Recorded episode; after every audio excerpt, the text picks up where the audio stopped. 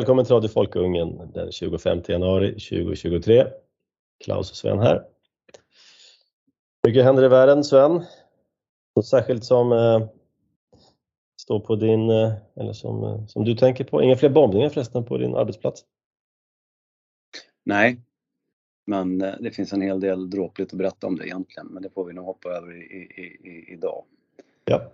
Kanske spara till ett senare tillfälle. Spara till ett tillfälle när det inte finns någonting att prata om. Om Mm, tusen år så sådär. precis. Nej, men, eh, kriget löper ju på eh, borta där i sydöst. Och eh, idag så kom det faktiskt ut en, en, eh, en filmsnutt på sociala medier där. Eh, jag är inte helt säker på från vilket sammanhang det är eller vilket datum. Men eh, jag fick intrycket att det är från något EU-sammanhang.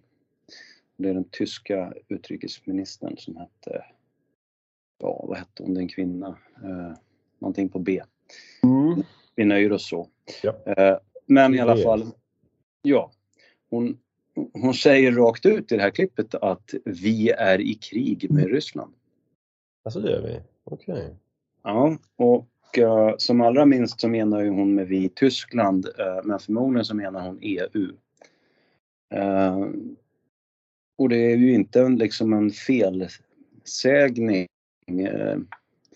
Hon slant inte lite i semantiken utan det här var, var det var väldigt rakt på sak. Så att nu, nu vet vi ju det. Det visste vi ju naturligtvis i någon mening men eh, det är ett litet det- Det här var en, en, en eh, förtäckt krigsförklaring då eller? Ja, Traditionellt så brukar man ju förklara krig och säga nu är vi i krig med er. precis. Och så gäller då någon slags krigslagar och sånt. Ja, man, ja, man kanske ska säga det att för, för, för Ryssland så är det här helt ointressant. De har ju naturligtvis eh, hela bilden klar för sig eh, och agerar utifrån det. Eh, men för medborgarna i EU så borde det här vara rätt så intressant. Och, och sen man, man ska också ha i åtanke att eh, Tyskland har ju varit inte det värsta krigshögslandet i Europa på något sätt utan det är väl Storbritannien som har tagit täten där. Eh, snarare har ju Tyskland varit lite försiktiga i sin retorik. Och, Ja, Tyskland har ju en, eh, ja, av nöd och hävd och eh, historia har man ju blivit kuvat på det sättet så man vågar ju inte ens man vågar inte prata om sånt i Tyskland. nej men precis, de är ju så att säga vinklippta eh, ur alla Och- möjliga vinklar. Ockuperade skulle man ju säga också för ockupationsmakten är där fortfarande. kastrerade, kuperade, vinklippta. Ja. Ja. Ja, nej men eh, så, så, så det är, är någonting som jag fick upp ögonen för idag och eh, sen hade en kollega här på min arbetsplats en vänligheten att göra mig uppmärksam då på eh, vilket någon mening eh, kopplar till det här e-, ämnet i alla fall. Eh, jo, det är så här att försvarsministern Paul Jonsson som är moderat är han väl? Jo, det måste han vara. Det har jag inte ens kollat. Uh, han är i alla fall född 72 i Arvika. Och han är gift och har tre barn. Uh, och, och jag har inte djupdykt i hans liv utan jag läser på regeringen.se nu.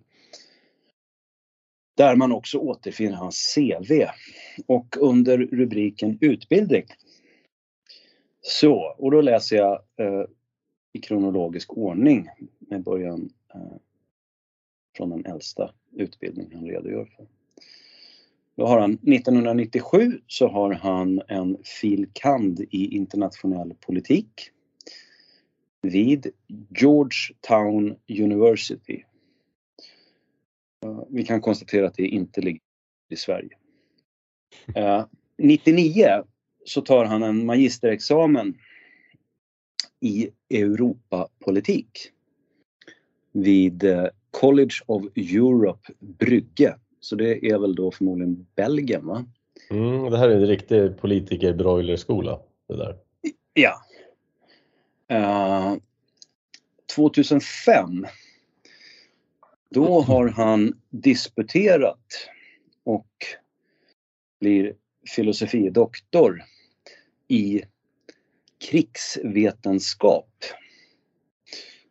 Inte vid eh, Försvarshögskolan i Stockholm utan vid Kings College i London.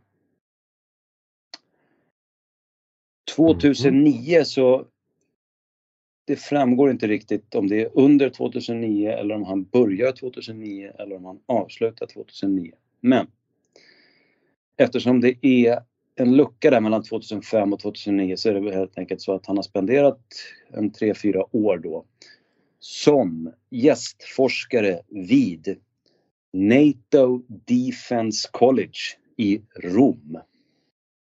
Mhm. Mm. Och eh, då skulle man ju kunna säga så här. Oj, vilken kompetent försvarsminister vi har. Eh, då vill jag säga att oj, vilken som allra minst inkompetent regering som denna möjligen också inkompetente försvarsminister är en del av. Varför då? då? Jo, för trots alla dessa hundratals högskolepoäng och fantastiska internationella studie och forskarmeriter med en hel eh, attachéväska med titlar. Till och med i krigsvetenskap. Jag menar, att doktorera i krigsvetenskap. Det är du. Och vara riktig, försvarsminister. en riktig, riktig stridspitt som vi brukar säga förut. Ja. Eh, Men vad hände här då? Jo, den här försvarspolitiken som försvarsministern och hans regering förespråkar, den fälldes, eller skälptes, eller vilket uttryck man nu vill använda, av en Erdogan-docka och en koranbrännande galen Paludan, dansken. Mm. Det var allt som krävdes för att en eh, i maktavseende synnerligen begåvad och obehaglig visserligen då, men Erdogan skulle sätta stopp för en svensk NATO-anslutning Mm. som det nu ser ut. Jag skulle inte våga sätta pengar på att Sverige stannar utanför NATO på grund av Erdogan men klart och tydligt är i alla fall att alla de här eh, NATO-fixerade rösterna i debatten, de har resignerat lite grann nu. Va? De, Mm. de ser inte framför sig att Sverige kommer gå med i NATO samtidigt som Finland till exempel. Utan, utan det här är upp, helt klart och tydligt lagt på, det är bordlagt. Ja, det, det, det händer en del utomlands nu också i protester då mot lilla Sverige här. Och Ja. bränns Sverigeflaggor och det, demonstrationer och allt möjligt. Då. Så att eh, det här är, vi har ju en del, ett par stycken muslimer i Sverige också, en del med turkisk hemvist. Eller ursprung i alla fall. Så att eh, Ja. det kan ju sprida sig hit. Nu, nu tror jag faktiskt att en majoritet av turkarna i Sverige är, ska vi säga, Atatürk-turkar. Eh, det vill säga de är mer lutade mot det äldre sekulära. Eller det, det tidigare sekulära Turkiet. Jag kan ha Mm. fel i det, men, men jag gissar det. Jo, men så kan det vara, men det, det hindrar ju inte att vid en konflikt att man väljer sida De med sin härkomst och etnicitet ändå. Ja, visst. Alltså, om man, om man har lite koll på och, och känner folk ur olika etniciteter som har letat sig till Sverige och har en tillvaro här. Och det kan vara barnen till invandrare lika väl som själva invandrarna. Då har man ju, det har i alla fall jag, och det tror jag de flesta har, en uppfattning om ungefär vilka etniciteter som kommer vid en, en slags mångkulturell väpnad konflikt eller åtminstone en våldsam konflikt internt i Sverige. Mm. Vilka invandrade grupper som skulle ställa sig på svenskarnas sida. För sådana finns definitivt många. Mm. Eh, och vilka som skulle inte göra det. Va? Och uh, turkarna är nationalister. De skulle i, i varje sammanhang där, där Turkiet är, är, en part så skulle de ställa sig på Turkiets sida. Det är ingenting som jag kan klandra dem för utan uh, det har jag full förståelse för. Ja. Iranier däremot har jag känsla för skulle ställa sig på svenska sidan. Ja. En hel del som fördömer oss för vår slapphänthet mot muslimerna här i landet. Ja, och en hel del människor från Balkan också till exempel. Mm. Uh, sen finns det nog många som skulle vara tämligen likgiltiga, alltså som inte skulle liksom varken uh, solidarisera sig med någon slags diffust västligt Europa, Sverige, bla bla bla sammanhang eller vara någon slags hårdnackad muslim liksom, utan som snarare skulle fortsätta vara lojal mot klanen till exempel. Mm. Uh, ja. Men eh, tillbaka till försvarsministern. Han är ju alltså en superglobalist helt enkelt. Ja, ja. Eh, och en, eh, en, eh, en sån här eh, med största sannolikhet USA-fantast. Eh, alltså den här, det finns ju en viss typ av människor som är liksom helt fixerade och tyvärr, vi, tyvärr då inte vid de positiva, som jag ser det, eh, egenskaperna hos USA. För sådana finns det absolut. Eh, utan snarare då eh, tar sin fascination över USA och sen slutar så att säga, där slutar analysen sen i varje tycker, sammanhang. Ja. Jag tycker det är viktigt här att göra samma distinktion. Jag skiljer på Europa och EU. Nu försöker ju då alla EU-människor kalla allting som de sysslar med för Europa.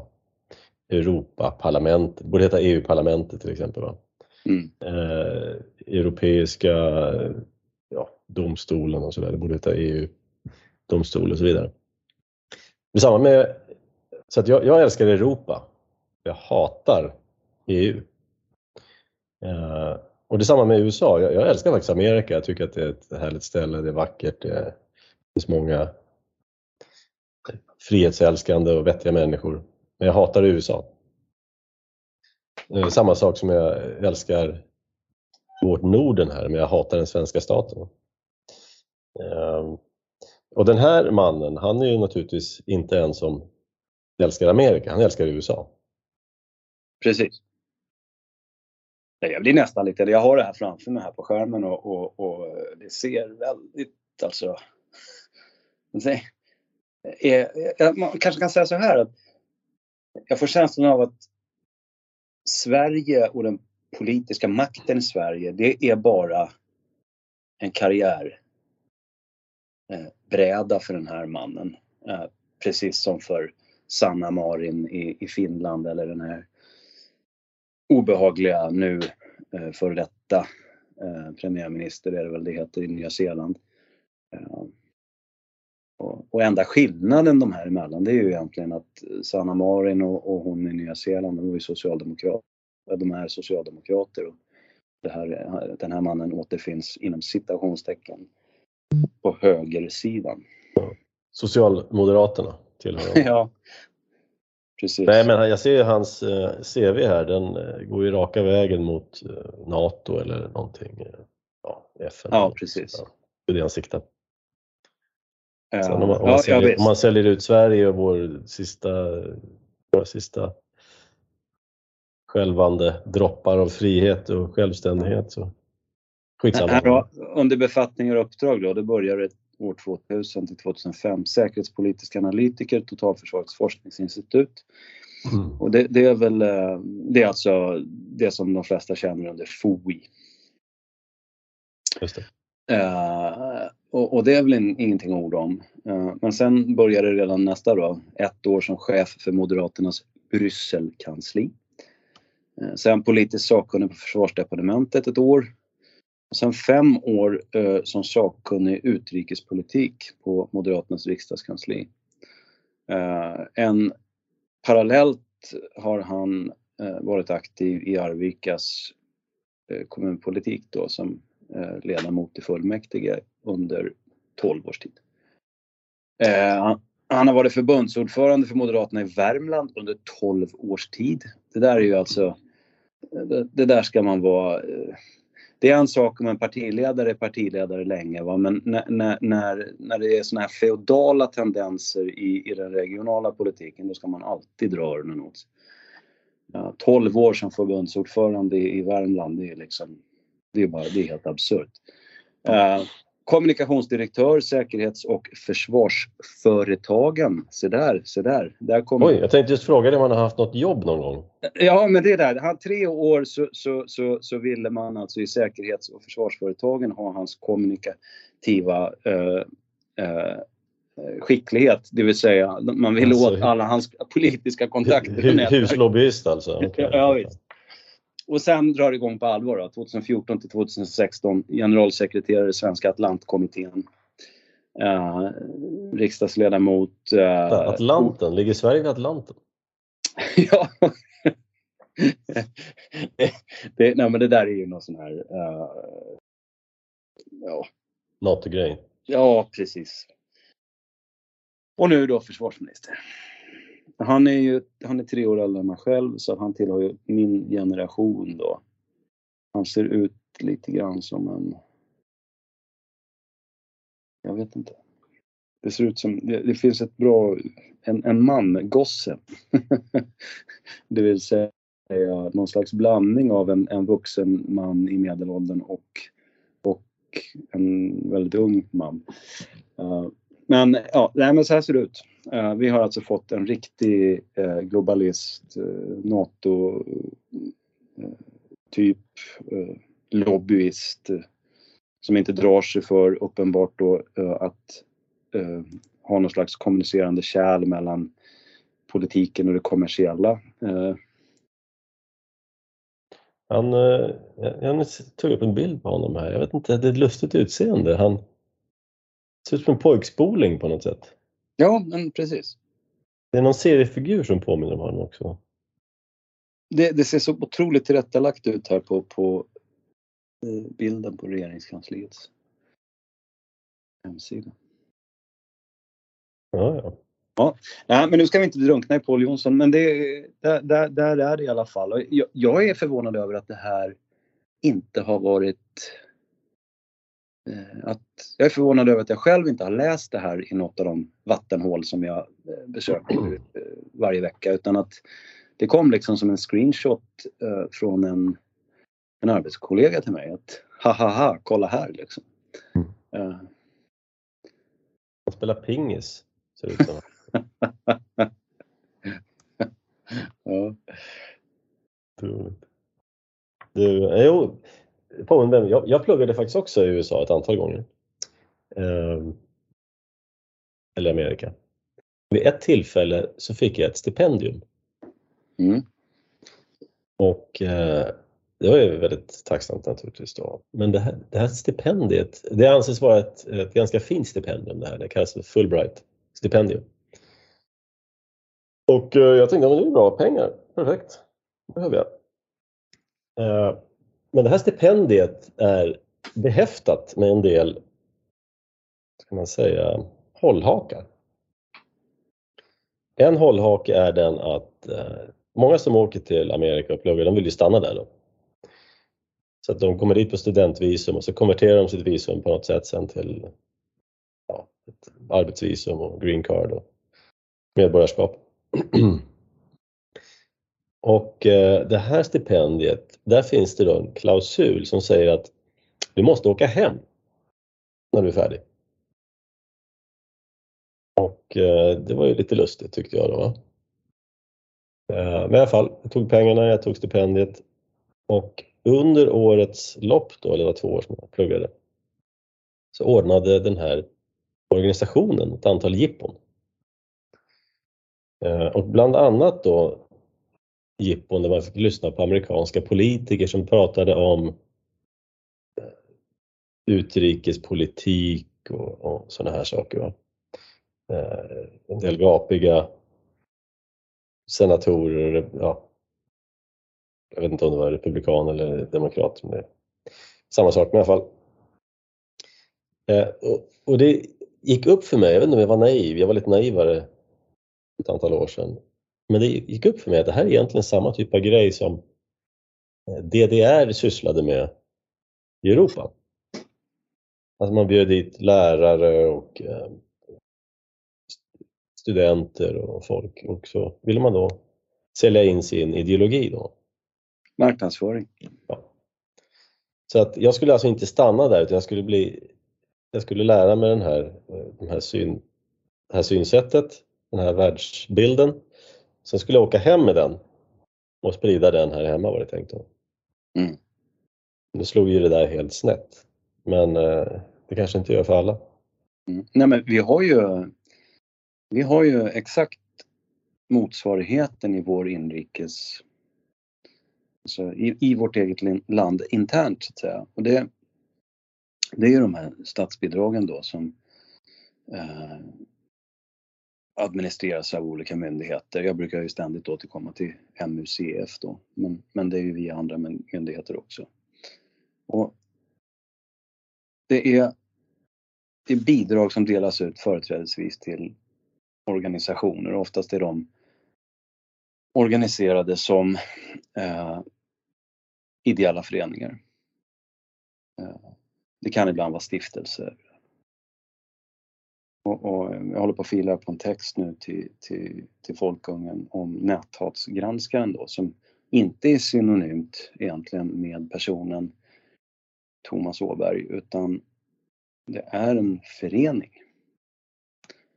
Eh, men det kan vi ta någon annan gång. Eh, mm. Vad jag ville komma till är att man ger bidrag till, ja vi kan ta något annat exempel, RFSL.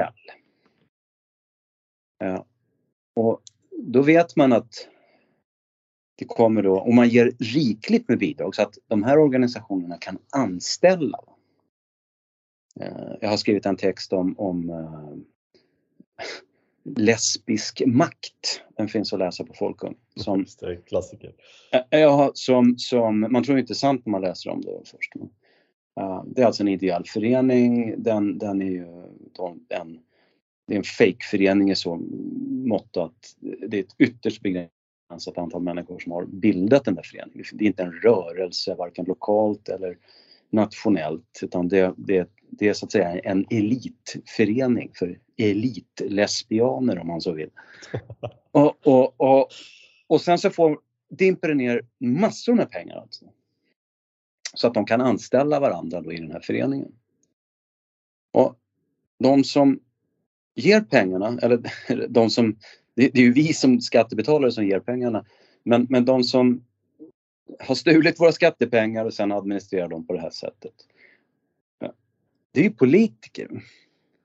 Och, och, jag har också skrivit på Folkungen om att generaldirektören för MUCF, det är en socialdemokrat. Det är en, Eh, hon är uppe i den högsta kretsen. Hennes man är socialdemokrat. Hon heter Lena Nyberg. Eh, och hon var, var socialborgarråd i, i Stockholms stad för ja, rätt så länge sedan nu. Sen hoppade hon av politiken och gjorde någonting annat. Va? Men hon fortsätter naturligtvis vara socialdemokrat och hennes, hennes man är fortfarande sån där eh, tror han är idrottsborgarråd eller något sånt där. Tjänar över 100 000 spänn i månaden på, på, på Stockholms stads skattebetalares bekostnad. Vilken stad behöver inte ett idrottsborgarråd? Ja, det är ju det är så jävla sjukt att ja. Uh, ja, kultur är det dessutom då tror jag. Men, men hur som helst. Uh, så att Lena Nyberg sitter ju då som socialdemokratisk generaldirektör på MUCF och ser naturligtvis till att de här bidragen styrs rätt. Och sen landar det i knät på såna här som, som elitlesbianerna här. Och de vet ju att inte bara ska vi ge tusan i att bita den hand som föder oss. De blir ju med tiden korrumperade i sinnet. På så sätt att de, de kommer börja hitta på för sig själva att det är moraliskt rätt att ge oss de här pengarna. Inte bara är det, är det rätt att ge dem, eh, vi som tar emot dem, vi gör något bra med det här. Vi, det är nästan så att samhället borde vara tacksamt mot oss. Mm. Och mm. vad man då får, det, drivkraften i det här från den politiska sidan, det är att man får valarbetare. För de här människorna kommer ju då, och Socialdemokraterna ständigt stödjer RFSL eller Lesbisk makt och 50 andra olika föreningar då i, i, i det så kallade civilsamhället. Så, så vet ju de att de kommer få ett autonomt stöd där, det vill säga det kommer sitta människor som dagligen sysslar med kommunikation, marknadsföring och så vidare som kommer att tillvarata de politiska intressena hos socialdemokratin. Och, och det här är ju inte något fenomen som är unikt för socialdemokratin. Skulle vi ha ett borgerligt maktinnehav under lika långa perioder skulle till slut samhället stöpas om på samma sätt fast, fast då eh, med en, en, tilt åt det borgerliga hållet då. Och, och, och, där vill jag nog också sätta borgerlig inom citationstecken. Oh, jag hörde dem. Så jag, jag, hörde, jag, hörde, jag hörde citationstecknen. Ja. uh, och, och, och, naturligtvis då, lösningen på allt det här, det är ju att allt sånt här jävla skit ska bort. MUCF ska bort, bidragen ska bort, skatten ska sänkas och så vidare. Mm. Det är alltså högskattesamhället med sitt bidragsutdelande till organisationer och företag. Det, dels så korrumperar det befolkningen och dels så undergräver det den samma demokrati som samma politiker säger sig vurma så för och sätta så högt. Va? Mm. Så, ja. precis. Den, den pungslagnes lidande av att få betala mycket skatt, det är ju bara en sida av ekvationen. Den andra är ju all subversiv verksamhet som de här pengarna möjliggör. Ja. Och jag tror nästan det är värre än att lida lite under hög skatt. Om man, ja, måste, om man nu måste gradera. Ja. För även ett, även ett socialdemokratiskt högskattesamhälle som i materiell mening under en viss tidsperiod fungerar anser jag är dömt att ändå gå under på grund av den korruption som eh, korruption, desillusion, dekadens som det här skapar. Mm. Ja, men välfärdsstaten, den, den korrumperar. Så är det bara. Ingen människa mår bra av att bara ta emot utan motprestation. Nej. Och det skapar en, eh, en vad, vad du kallar det, en mentalitet av att man tycker sig ha rätt till saker och ting. Um, så att uh, det finns inget storskaligt välfärdssystem som funkar. Så när, när folk säger att det, liksom, det funkar inte längre, nej. Och det beror inte på att det görs fel. Det beror på att det inte går att göra det rätt. Därför att det får den här korrumperande effekten. Ett, ett välfärdssystem ska vara lokalt.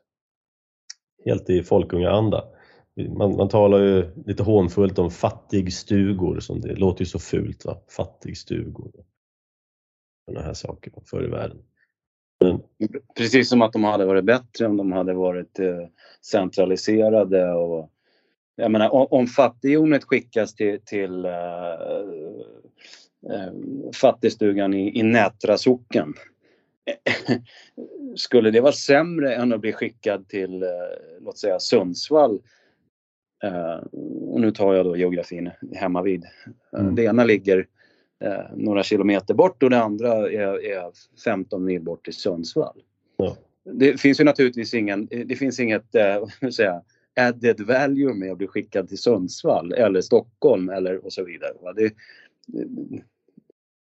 Nej, precis. Eh, men det är centralt och det är stordrift. Va? Det är ungefär som en stor kycklingfabrik.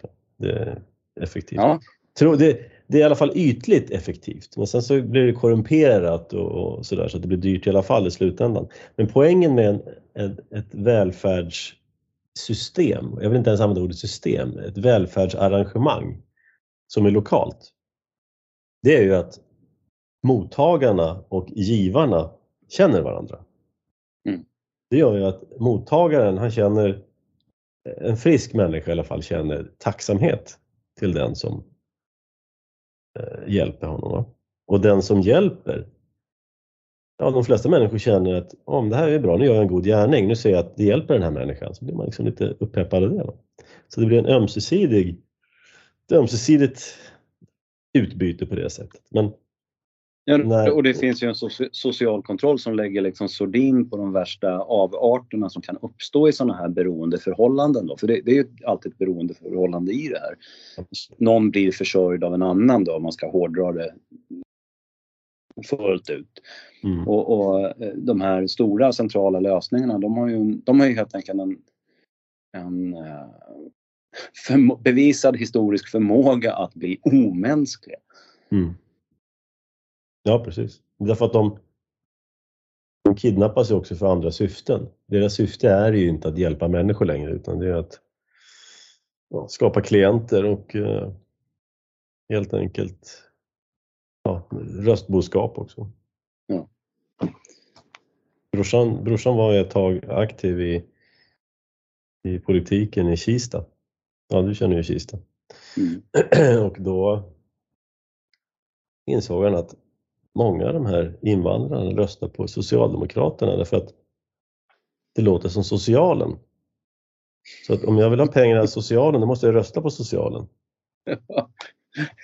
Alltså det är på den nivån? Ja, ja. ja men visst är det det. det, det och, och, och, är det lite mindre på den nivån så är det ändå på den nivån att ja, men, vi, vi får nog högst bidrag om vi röstar på dem där. Så att eh, ha något mer abstrakt i tänkande att samhället kanske utvecklas i en bättre, mer framgångsrik riktning om man ska rösta på något annat. Det, det, det, det finns liksom inte med i ekvationen. Mm. Nej, välfärd i all ära men eh, det ska vara, det ska vara lokalt. Och det, så var det ju förut. Det kallades för, man hade ju rotar, en rote. Det var ett antal gårdar som tillsammans ansvarade för några rotejon då som man skulle försörja och ta hand om. Då kunde man ju också passa på att få lite jobb utfört av de här. De kunde gräva gropar i alla fall, de flesta av dem. Ja, man, man, man, man auktionerade ju ut inackordering som min, på min, min salig svärfars uh, eh, sida så han hade nog anfader där som där hans hans anfader och, och dennes bror då blev föräldralösa. Och de blev alltså utauktionerade till, till, den, eh, till det hushåll som krävde minst ersättning. Just det, just ja. det. Och det är naturligtvis, det är ju, ger ju naturligtvis, det fattar ju vem som helst, att det, är ju, det, eller gav ju upphov då till till, eh, det fanns liksom ett incitament där som gjorde, som fick eh, tråkiga bieffekter om man säger så. Ofta snåla typer som, som höll på med sånt här och de blev inte bra behandlade och så vidare. Men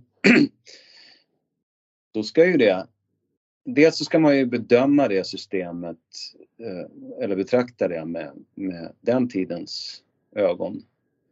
Och om man dristar sig till att göra jämförelser med idag så ska man ha klart för sig att i mångt och mycket så fungerar det på samma sätt idag. Ja, alltså det, det, är ju, det är ju en tråkig situation. Det är en tragisk situation överhuvudtaget. Och det finns inga perfekta lösningar här. Nej, eh, precis.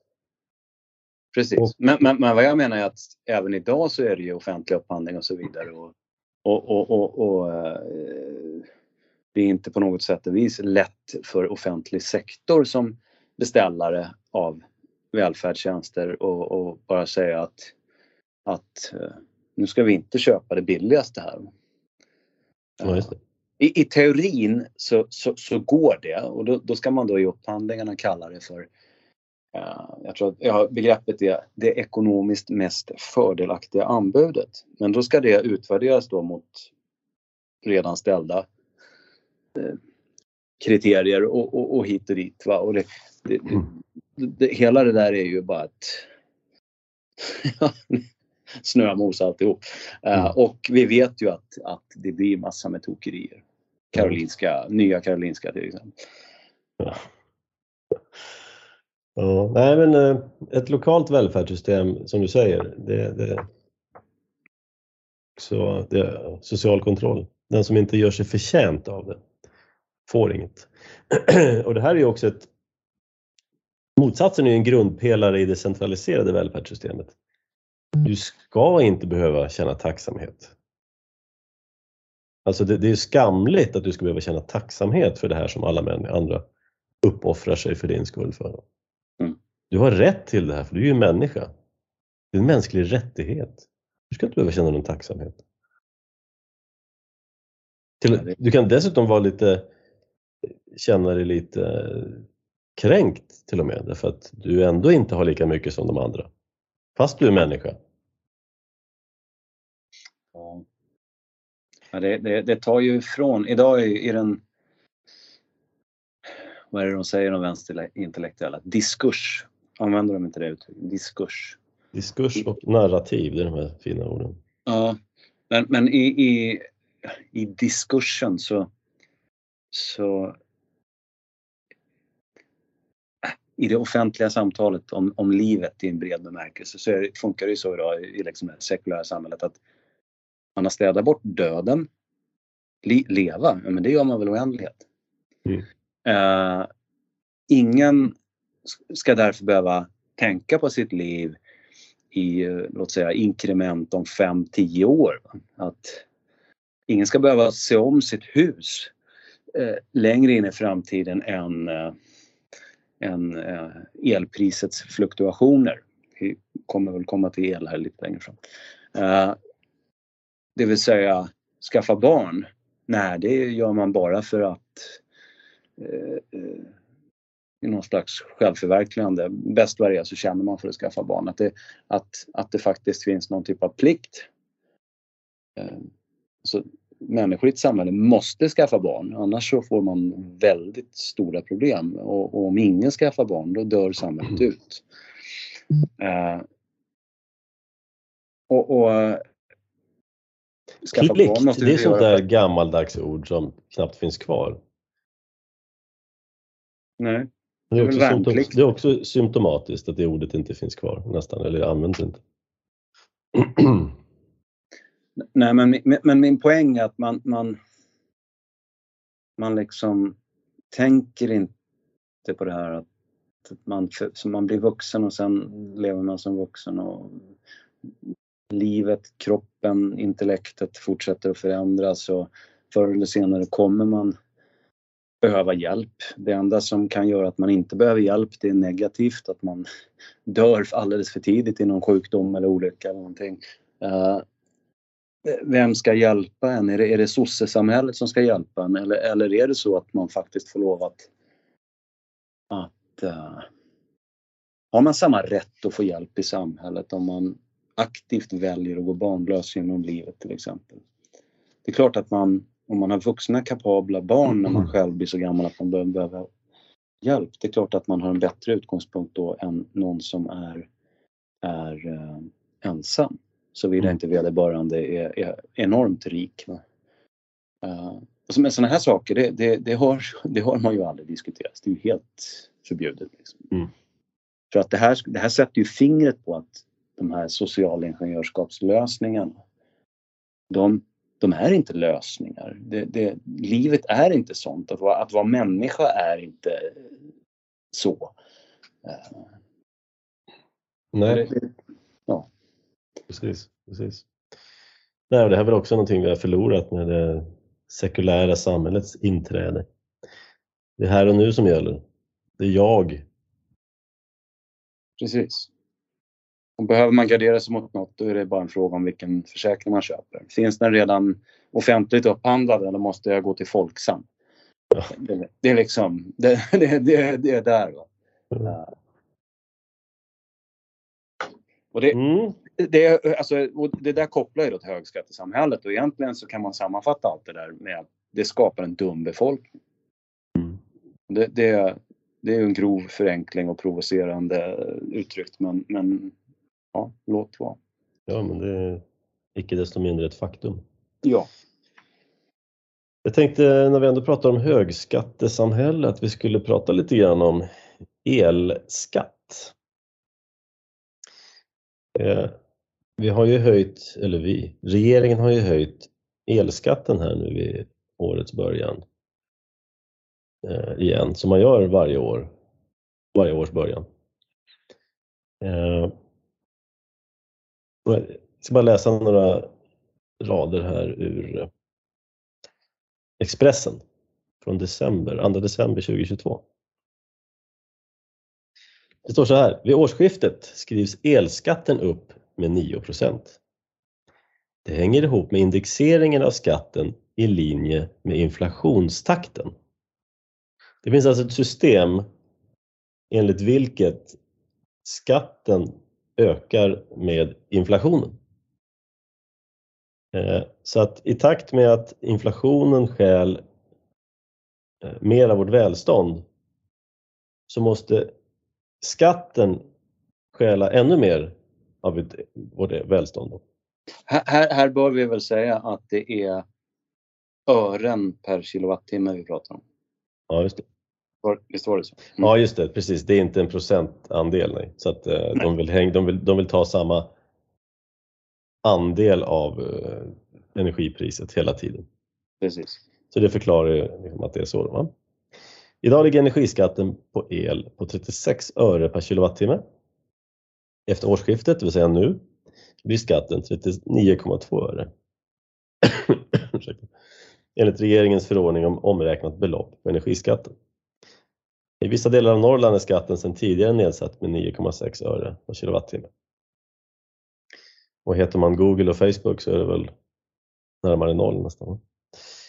Mm. Inklusive momsen är elskatten idag 45 öre. Den nya elskatten med momsen påräknad blir 49 öre per kilowattimme. Eh, med momsen, ja, är det moms på den här skatten också eventuellt? Som det är med bensin eller koldioxidskatten heter kanske. Även flygskatten för passagerare skrivs upp av samma anledning, den indexeras också. Moderaterna har tidigare verkat för att sätta ner eller helt slopa elskatten under ett antal månader. Det är riktig borgerlighet det. Vi, vi minskar skatten några månader. Eh, nu påpekar finansminister Elisabeth Svantesson, moderat, att höjningen av elskatten är automatisk och att den blir 9% på grund av inflationen. Hon kan alltså inte göra någonting åt det för den här skatten höjs automatiskt. Så är det när man är regering, man liksom får bara titta på när skatterna höjs automatiskt. Ja, samtidigt, samtidigt så sänks pensionen automatiskt med Göran Perssons broms. Ja, just det. Precis. Och så säger hon så här då, i grund och botten så visar det här hur dåligt inflation är, säger hon. Så enligt henne är inflation dåligt, för det gör att elskatten höjs mera. Det är hennes förståelse av hur dåligt inflation är. Enligt finansministern innebär höjningen 65 kronor mer per månad för en villa med cirka 20 000 kilowattimmars förbrukning. Och då frågar Expressen här, men om höjningen är så liten, hade ni inte kunnat pausa den indexeringen då?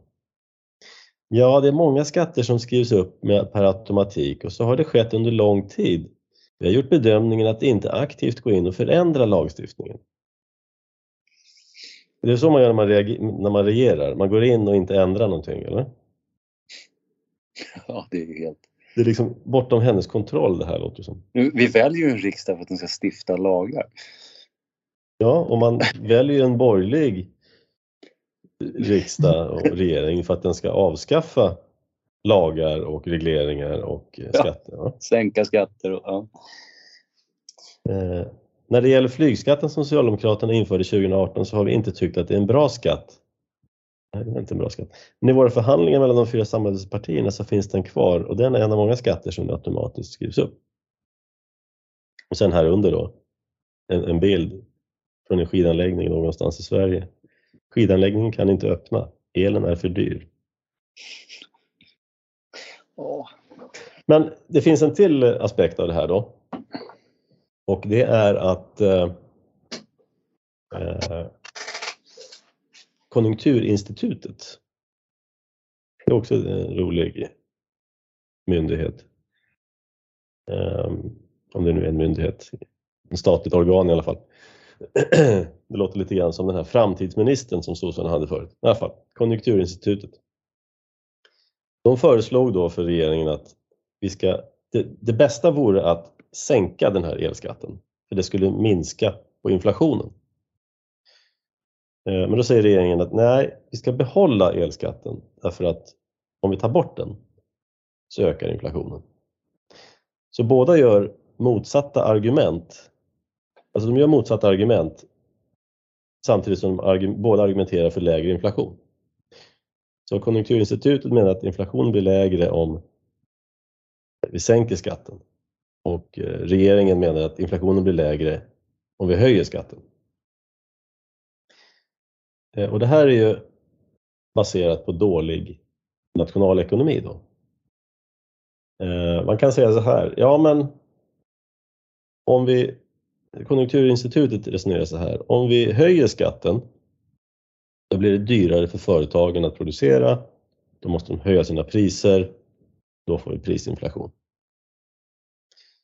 Eh, och då kan regeringen å sin sida resonera så här, ja men om vi sänker skatten, då får folk mer pengar i plånboken. Och då kommer de eh, pressa, de kommer handla mer och pressa priserna uppåt. Och ska man ju fråga sig, liksom, vad är det som egentligen händer här? Jo, eh, egentligen så händer det här, alltså inflation kommer inte av skatt. Inflation kommer av att man trycker pengar. Det är egentligen den enda källan till inflation. Och sen så blir det olika inflation, olika mycket prisökningar på olika ställen. Men bara om man ska dra ett, ett regeringens då argument till sin spets, då skulle vi kunna få jättelåg inflation om vi höjer skatten jättemycket. Så att folk inte har några pengar kvar i plånboken. Då kan vi få ner inflationen till, den kan bli jätte, jättenegativ för folk kommer inte ha råd att köpa. Säljarna kommer dumpa sina varor till halva priset. Om det, om det är målet, då visst, höj skatten. Kommer få jättelåg inflation. I vissa varor. Men det här är poängen. När man höjer skatten, då tar sig de pengarna från det som eh, konsumenter och företag skulle ha köpt och läggs i statens plånbok. Och staten kan nu spendera de här pengarna på ja, all subversiv verksamhet som den nu ägnar sig åt. Då driver den upp priserna där istället. Så det enda skatt gör, den skapar inte inflation, den avskaffar inte inflation, den skyfflar pengar från ett område till ett annat så att priserna går upp på ett ställe och ner på ett annat. Mm. Så det är därför båda kan argumentera samtidigt för samma sak fast med helt motsatta Eh, åtgärder. Omfördelning från privat till offentlig konsumtion. Precis. Och det är inte så att den offentliga konsumtionen inte driver upp priser på saker och ting. Vi bara se vad som hände här eh, när staten köpte hotell och vandrarhem och bostäder åt eh, de nya svenskarna. Ja. Att, eh, svenskarna fick mindre pengar att köpa bostäder för men Ändå gick priserna upp. Mm. Så att eh, som sagt, dålig ekonomisk teori eh, ger dålig och förvirrande politik. Det är aldrig fel. Du kan sänka skatten till noll. Du skulle inte, du skulle inte få inflation ändå. I vissa, när jag säger inte inflation ändå, det är det här som är lite förvirrande därför att när nationalekonomer och politiker pratar om inflation, då, då mäter de det som eh, det som S, eh, ska säga, det är SCB som samlar in då prisstatistik mm och eh, räknar ut den så kallade inflationen. Men det är en varukorg det handlar om som de har valt ut och inte redovisar i detalj. De priserna kan gå upp eller ner. Och mm. den kombinationen av si och så många av de olika varorna i den här korgen kan gå upp eller ner. Men någon annanstans i ekonomin kan det gå upp och ner åt andra hållet. Så att det egentligen är meningslöst att tala om inflationen. Vad menar du? Alltså du kan ha 10% inflation som vi har nu i vissa områden och i andra ställen så har vi kanske minus 10 inflation. Minus Kredit, kan, kan, man säga kreditexpansion? Det, på det följer Kreditexpansion är ju det som Eh, det som orsakar, det, så det sättet som staten skickar ut nya pengar i ekonomin. Vi har inte en fysisk sedelpress som man sitter och vevar längre. Eh, men vi har en, eh, en riksbank som lånar ut pengar till affärsbanker och diverse kreditinstitut. Eh, och de här instituten kan ju låna ut mer pengar än vad de har, än vad deras kunder har satt in. Men det utsätter dem för en fara att kunderna vill hämta ut sina pengar. Mm. Men då står ju Riksbanken där och eh, är villig att alltid låna ut när bankerna har lånat ut för mycket. Så att säga. Eh, och då får man då låna i, i Riksbanken av Riksbankens eh, ränta, reporäntan. Och, eh, men då blir det bara en enkel kalkyl för bankerna. Då säger de så här, okej, okay, ja, vi kan låna ut ännu mer nu. Vad kostar det oss om vi har lånat ut för mycket? Okej, okay. ja men vi bedömer att det är värt att låna ut ännu mer. Då skapar de ännu mer krediter, det gör de då. De, de skapar krediter ur ingenting. Och så räknar de på vad kostar det för oss att betala straffavgiften så att säga, som reporäntan är. Då. Mm. Och då, genom att de skapar krediter ur intet så eh, expanderar man penningmängden genom krediter. Och det är det som kallas då kreditexpansion. Och det är så inflation skapas och det är så priserna stiger. Mm. Och då, då är den här eh, långivningen då gentemot hushållen, som, ja, man brukar ju tala i termer av hushåll i sådana här sammanhang. Den används ju framförallt till att köpa bostäder. Och vi vet ju, vi vet ju hur, hur priserna har utvecklats på, på bostadsmarknaden de senaste 20 åren. Det trotsar ju liksom allt förstånd. Men om jag har förstått det rätt, då är ju, den prisutvecklingen är ju inte med i den här inflationskorgen som SCB e sätter samman. Nej, det är den inte. Och inte heller aktier. Nej, Nej. precis. Så att alla, så att det, det, det är precis det här jag menar. Man mäter på ett ställe och ignorerar allt annat. Så det har gjort att man under många år då har kunnat säga men vi, oj, oj, oj, vi har så låg inflation, det här är farligt. Och det är också en fråga i sig. Som att det skulle vara farligt att man har låg inflation. Eh, men... jag, jag, brukar tänka, tänka så här att när, om, för det vi pratar om det är ju den finansiella delen av ekonomin. Eh, kan man väl säga. Va? Ja. Det vill säga ja, pengar, papper, räntor eh, och så vidare. Eh, sen finns det en materiell verklighet.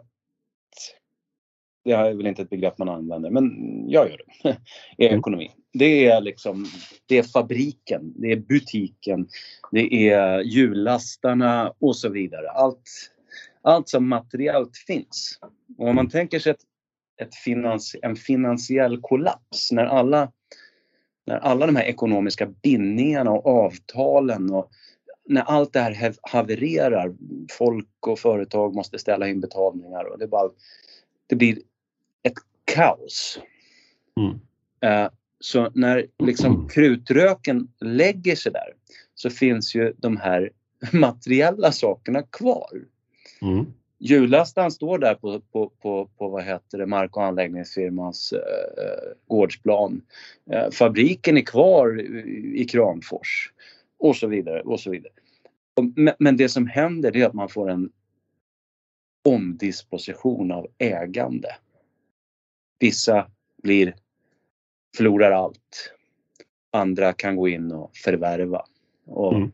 ja, och, och, och, det där är ju, så var, varje sån här eh, finansiell kris eller krasch eller eh, ger just upphov till eh, en omdisposition av ägande. Så är det absolut. Ja. Eh, och det man ska komma ihåg är att även om fabriken och hjullastaren står kvar eh, så har vi alltså med de här pengarna skapat saker som ingen har efterfrågat. Det kanske inte är säkert att den där fabriken går att använda till det. Jag menar, den kanske byggde liksom såna här vad heter de, de här bloggtjejerna, grejer som de skulle sälja på sina bloggar liksom och sådär va. Kanske det som fabriken byggdes för. Och sen så finns inte bloggarna kvar när det blir sämre tider. Ja, det står en fabrik där som gör grejer som ingen egentligen ville ha. Så att det blir ett enormt slöseri och det är bara att titta i Kina till exempel där man har byggt enorma städer och köpcentra som är helt tomma. Så att även om det görs fysiska saker så är det fel fysiska saker som görs. Jag skrev faktiskt för inte så länge sedan en liten kort artikel på Mises som är den absolut kortaste förklaringen på varför de här konjunkturcyklerna eh, uppstår. Det tar två minuter att läsa men kontentan är den att när du har en eh, Tänk dig ett samhälle utan en centralbank. Då företagen har i sina byrålådor massor med spännande projekt som de skulle vilja starta. Eh, men de är olönsamma för tillfället, de flesta. Eh, det kostar för mycket. Det kostar för mycket att låna till investeringen. Och sådär. Men om något pris skulle gå ner, då skulle kalkylen förändras och de här skulle bli lönsamma. Så till exempel om räntan skulle gå ner, då skulle många av de här projekten bli lönsamma och då skulle de sätta igång med dem. Och är då en värld utan en centralbank, där styrs räntan av hur mycket folk vill spara. Det hänger ihop så här att eh, du kan antingen konsumera en ekonomisk resurs eller så kan du eh, spara den så att någon annan kan konsumera den eller du kan konsumera den senare. Det är de två alternativ du har. Du kan konsumera något eller du kan spara det. Och hur mycket som konsumeras respektive sparas i ett samhälle, det, det är liksom en, ja, det beror på vad folk känner för. Och då kan det vid ett tillfälle uppstå ett läge när människor känner att äh, men nu behöver jag inte konsumera så mycket, nu känner jag för att spara. Okej, okay? då händer två saker samtidigt. För det första så konsumerar de inte upp de resurser som de sparar. Så de blir tillgängliga för annat, till exempel råvaror, arbetskraft som då inte behövs för att producera de här sakerna som folk inte längre vill eh, konsumera i lika hög grad. Så det blir arbetskraft och andra resurser tillgängliga. Eh, det som också händer är att de här pengarna som de inte längre köper de här konsumtionsvarorna med blir också tillgängliga. Och då sätter man in dem och lånar ut dem. Det gör att räntan går ner för det finns mer pengar att låna. Så att dels finns det resurser tillgängliga och dels finns det pengar tillgängliga att köpa de här resurserna med. Så det som då inte konsumeras, det kan alltså företag då låna de här pengarna och köpa de här resurserna eh, och investera dem istället. Så att det, det är inte så att det blir liksom mindre konsumtion och snurrig ekonomi, det börjar bli ett skifte. Eh, och i och med att konsumtionen sjunker så sjunker då priserna på de här grejerna som inte längre köps lika mycket. Men samtidigt så kommer då företag in med de här pengarna som nu finns och köper upp och trycker upp priserna. Så priset blir ungefär, ja, inte så stor skillnad på priserna i samhället. Det blir ingen inflation eller deflation på det stora hela. Och det hänger ihop med att de sparade pengarna hänger ihop med sparade fysiska resurser. Men nu kommer då centralbanken in här och det här globala banksystemet. De går in och trycker upp pengar och sänker räntan på det sättet utan att några fysiska resurser har sparats. Så det konsumeras fortfarande lika mycket men plötsligt blir räntan lägre. Ja, då tänker, tänker företagen, oj titta här, nu gick räntan ner. Ja, men då blir de här projekten lönsamma. Då sätter vi igång och sätter upp en ny gruva, vi gör en batterifabrik, vi gör grönt stål, vi bygger vindkraft. För räntan är så låg så att det här blir lönsamt. Men eftersom det inte har sparats några fysiska resurser så kommer företagen in och bjuder på de här samma råvaror och resurser som redan konsumeras och trycker upp de priserna nu. För nu höjs priserna för det har inte sparats någonting fysiskt. Eh, och då får vi då en prisinflation i saker och ting. Eh, det som ibland kallas högkonjunktur, som av somliga anses vara önskvärt, men som egentligen är en typ av ekonomiskt febertillstånd. Så nu, de här kalkylerna som blev lönsamma därför att räntan gick ner, ja men de visar sig bli olönsamma i alla fall eftersom nu gick priserna upp. Så man har reagerat på en falsk signal och agerat rationellt på en falsk signal. För att det här var inte en signal om att nu finns det resurser. Utan bara att nu blir det billigt att låna. Och sen då så går de här projekten i konkurs. Eh, och när de här går i konkurs så kan de inte betala tillbaka sina lån och då blir bankerna stressade. Då måste de rädda sina balansräkningar. Då drar de in lån från andra företag. De låter bli att förnya lån till andra företag därför de måste helt enkelt ställa ut färre lån för att kunna få balansräkningen i skick. Och då triggar man ytterligare då krascher. Och sen så får man då en depression, ekonomisk depression. Eh, så att, ja, där är förklaringen till varför vi går upp och ner. Och vi har ett helt institut som sysslar med det här som heter Konjunkturinstitutet och de förstår tyvärr ingenting om det här. Nej.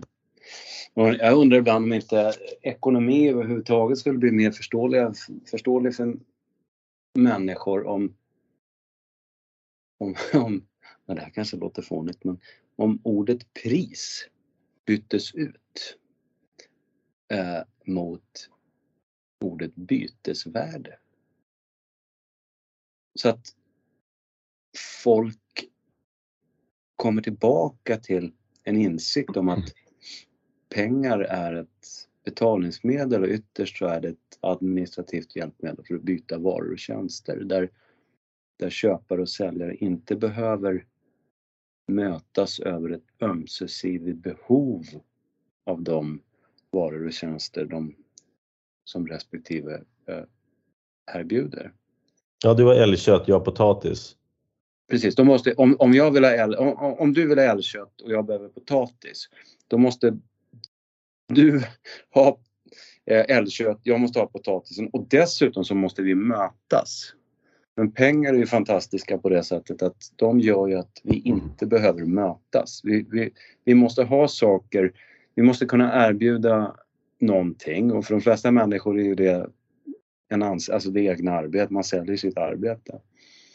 Uh, och sen så får vi istället för att få betalt då i älgkött eller potatis så får vi betalt i pengar och sen så kan vi gå och byta det mot just det vi har behov av. Och det, det ja, för, för problemet kan ju vara att jag inte vill ha älgkött men jag har potatis. Precis.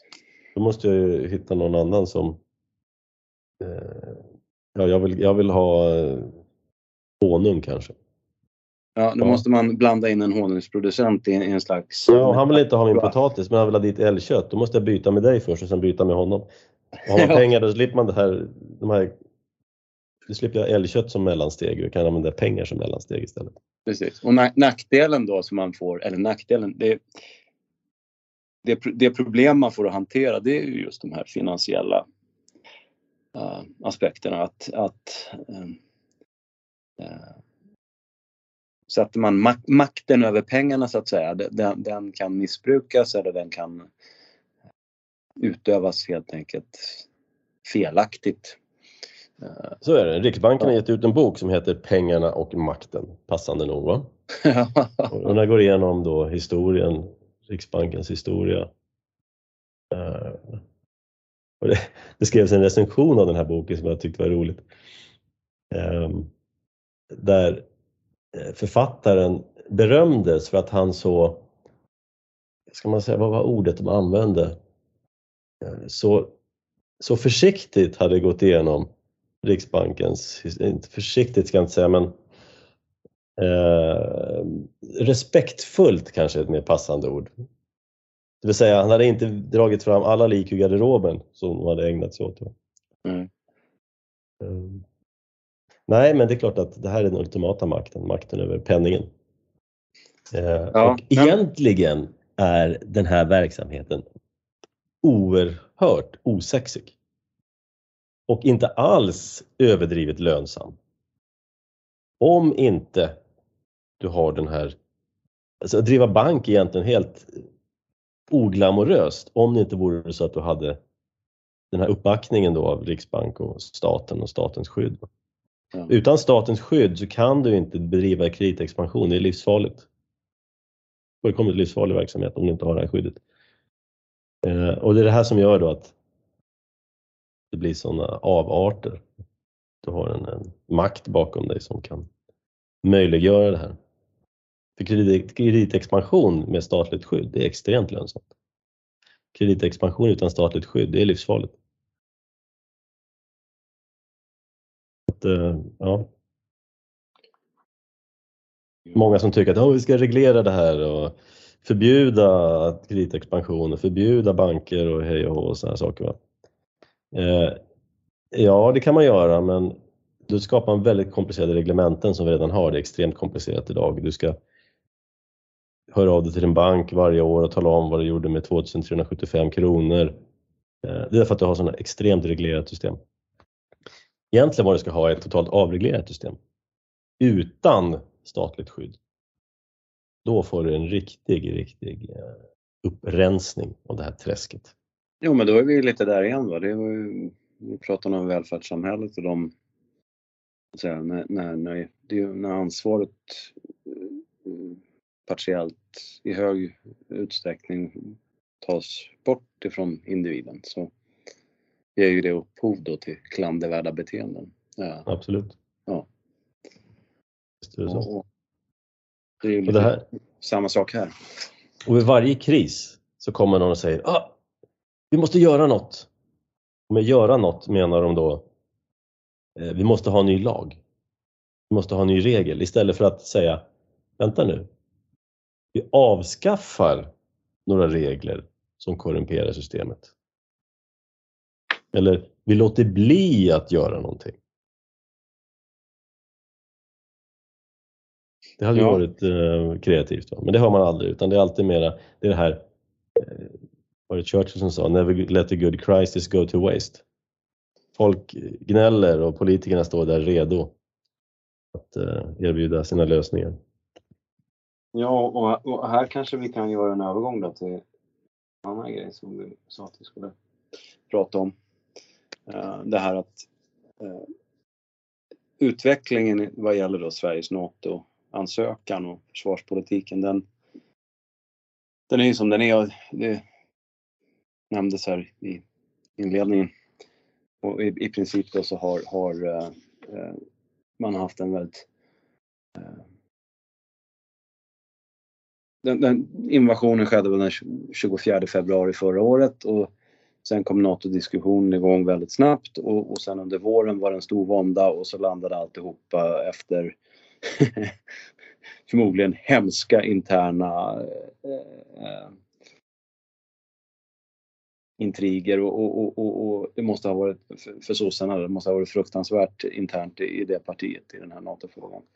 Eh, men i alla fall så landar det i att ja, men Sverige ska ansöka om medlemskap. Eh, och eh, då finns det då en jättestor mängd människor i, i Sverige som lev, lever upp på något sätt därför att de till en lite äldre generation som förespråkade medlemskap medan kalla kriget fortfarande pågick.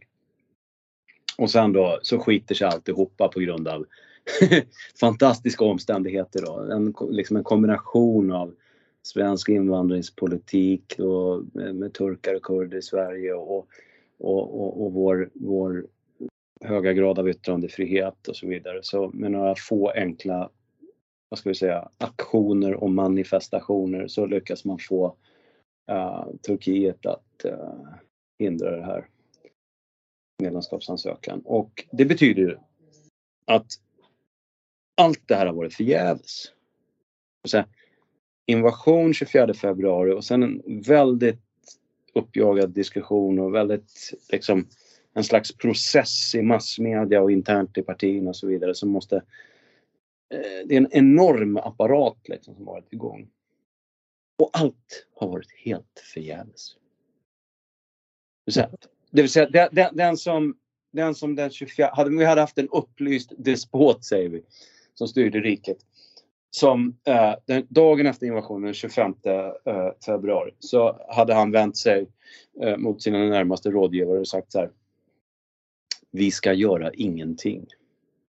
Eller, eller vi ska endast vidta åtgärder där vi har 100% egen kontroll. Till exempel rusta upp vårt försvar.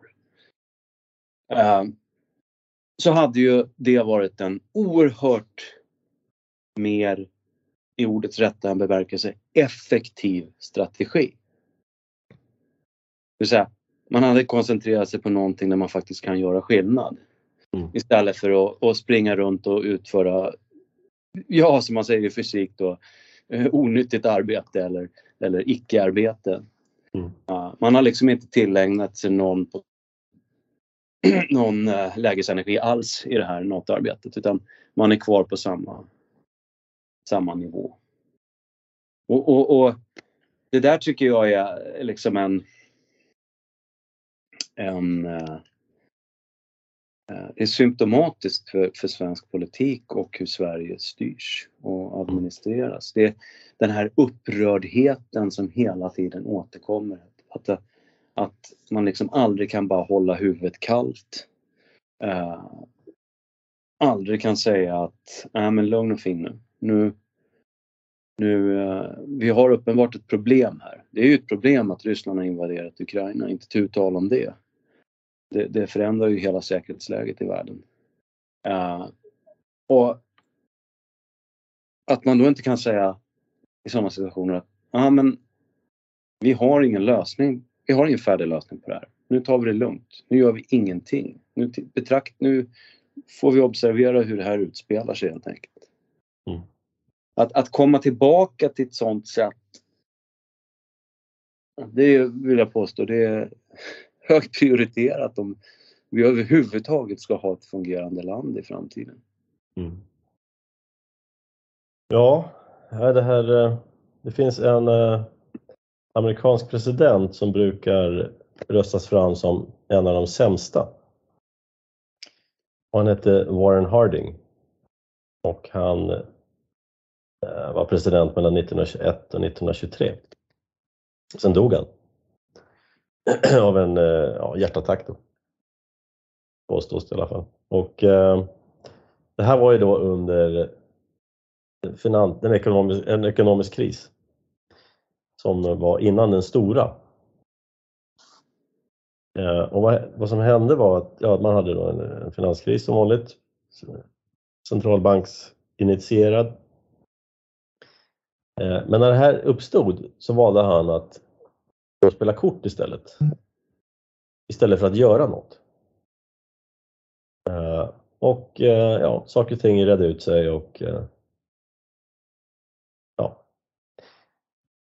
det, det, det, man brukar göra annars när det blir sån här kris, det är att man försöker bekämpa den.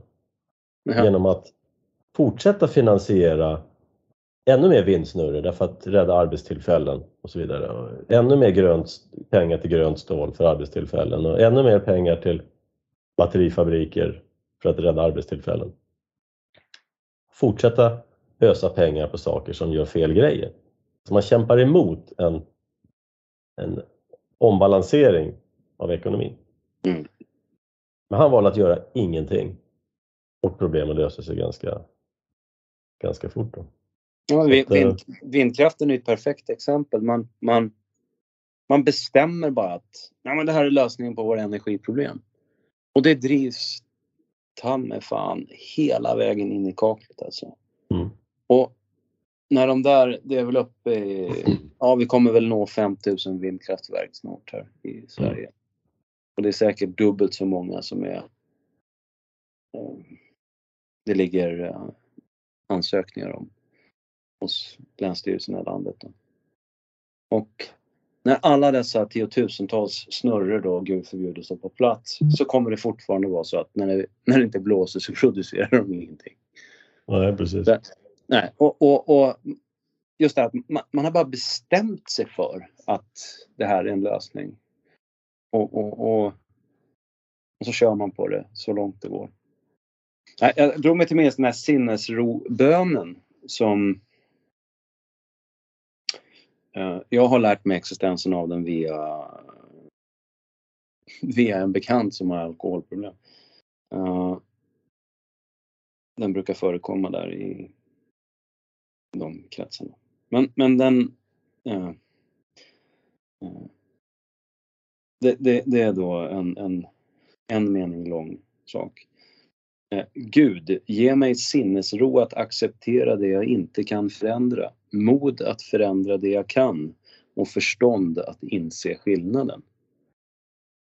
Det är precis tvärtom. Eh, Gud, ge mig hybris att laga saker som inte är trasiga, att lägga mig i saker som jag inte begriper och förstöra saker som fungerar. Precis. Bara lita på samhället, andra människor, att de kan lösa sina problem. Låt dem bli vuxna. Det är som om jag hela tiden skulle göra allt för mina barn. De blir aldrig vuxna. Dessutom vet jag inte alltid vad som är rätt. Jag brukar ofta tänka på en episod när jag skulle lära min son att cykla. Och eh, det här var innan man hade såna här cyklar utan trampor som det finns nu, när man liksom kan sparka sig fram. Så det var en vanlig cykel med trampor. Och jag kände att ja, men det här går ganska bra, jag kan släppa lite, men jag vågar inte släppa lite för det vinglar lite. Eh, och så vid något tillfälle så tyckte jag det vinglade lite för mycket så jag tog i och höll i ganska hårt. Och då förstörde det hans känsla för balans och hur han ska kompensera. Eh, och då naturligtvis så kör han omkull och ramlar och skadar sig då. Eh, medan om jag hade bara låtit honom cykla lite mer fritt och känna själv vad effekterna blir av att svänga på styret lite mer så hade han ju inte ramlat omkull och så. Så jag var helt säker på att det var för att jag blandade mig i för mycket som han inte klarade det här. Och eh, mm, så är det. Det centralstyrning som jag pratat om mycket förut, återkommer i många skepnader. Eh, bara en snabb grej här som jag kan passa på att nämna också.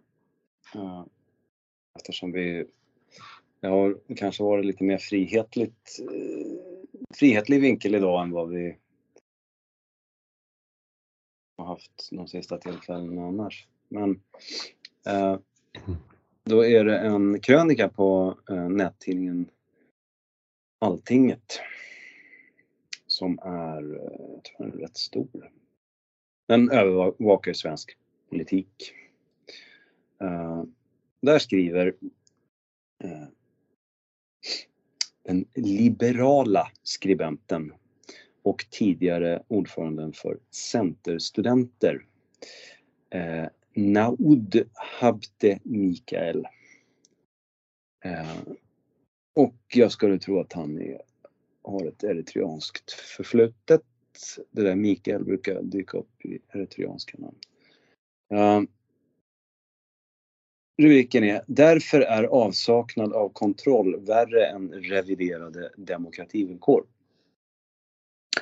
Och demokrativillkor har vi pratat om tidigare, jag har skrivit om det på Folkungen. Det är ju alltså när det staten sätter upp då eh, sina egna budord.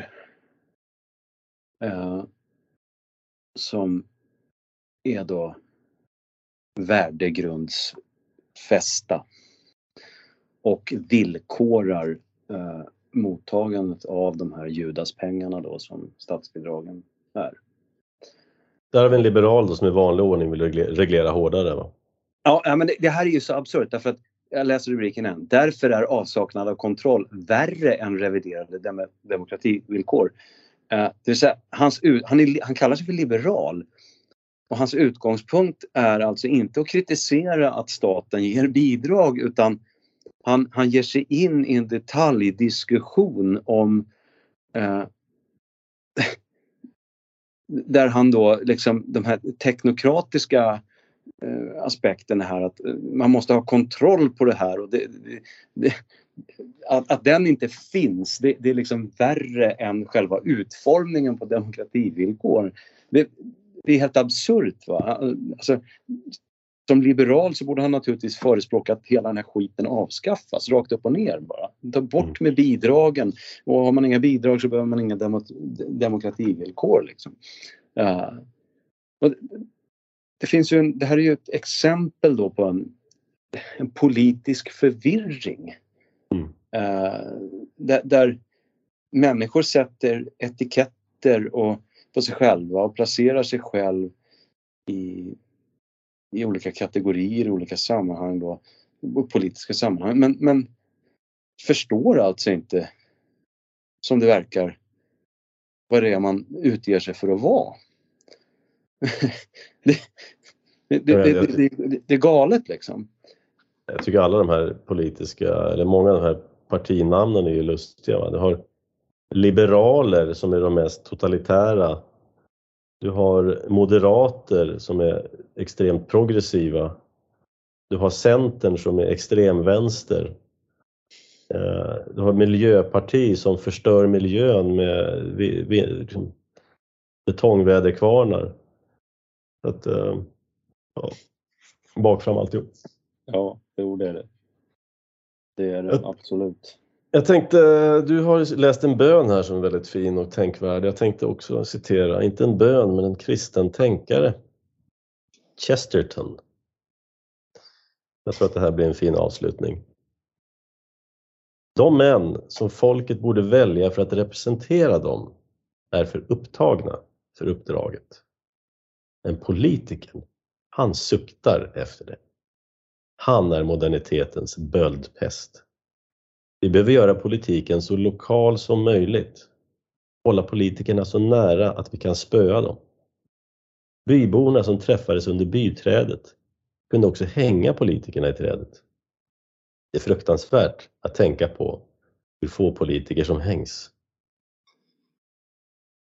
Så talar en sann kristen. Det är fruktansvärt att tänka på hur få politiker som hängs. Ja, nu citerar vi bara. Det här är ju inte våra egna ord naturligtvis. ja.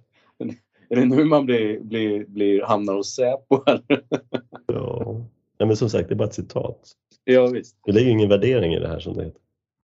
Ja, men det, det är ju... Det, när, när var han verksam, vet du? Chesterton. Chesterton. Det var väl 1800-tal tror jag. Ja. Uh, ska man vara lite högtravande så kan man säga så här, det är eviga frågor som vi diskuterar. Det, det är inte nytt. Man, man skulle kunna...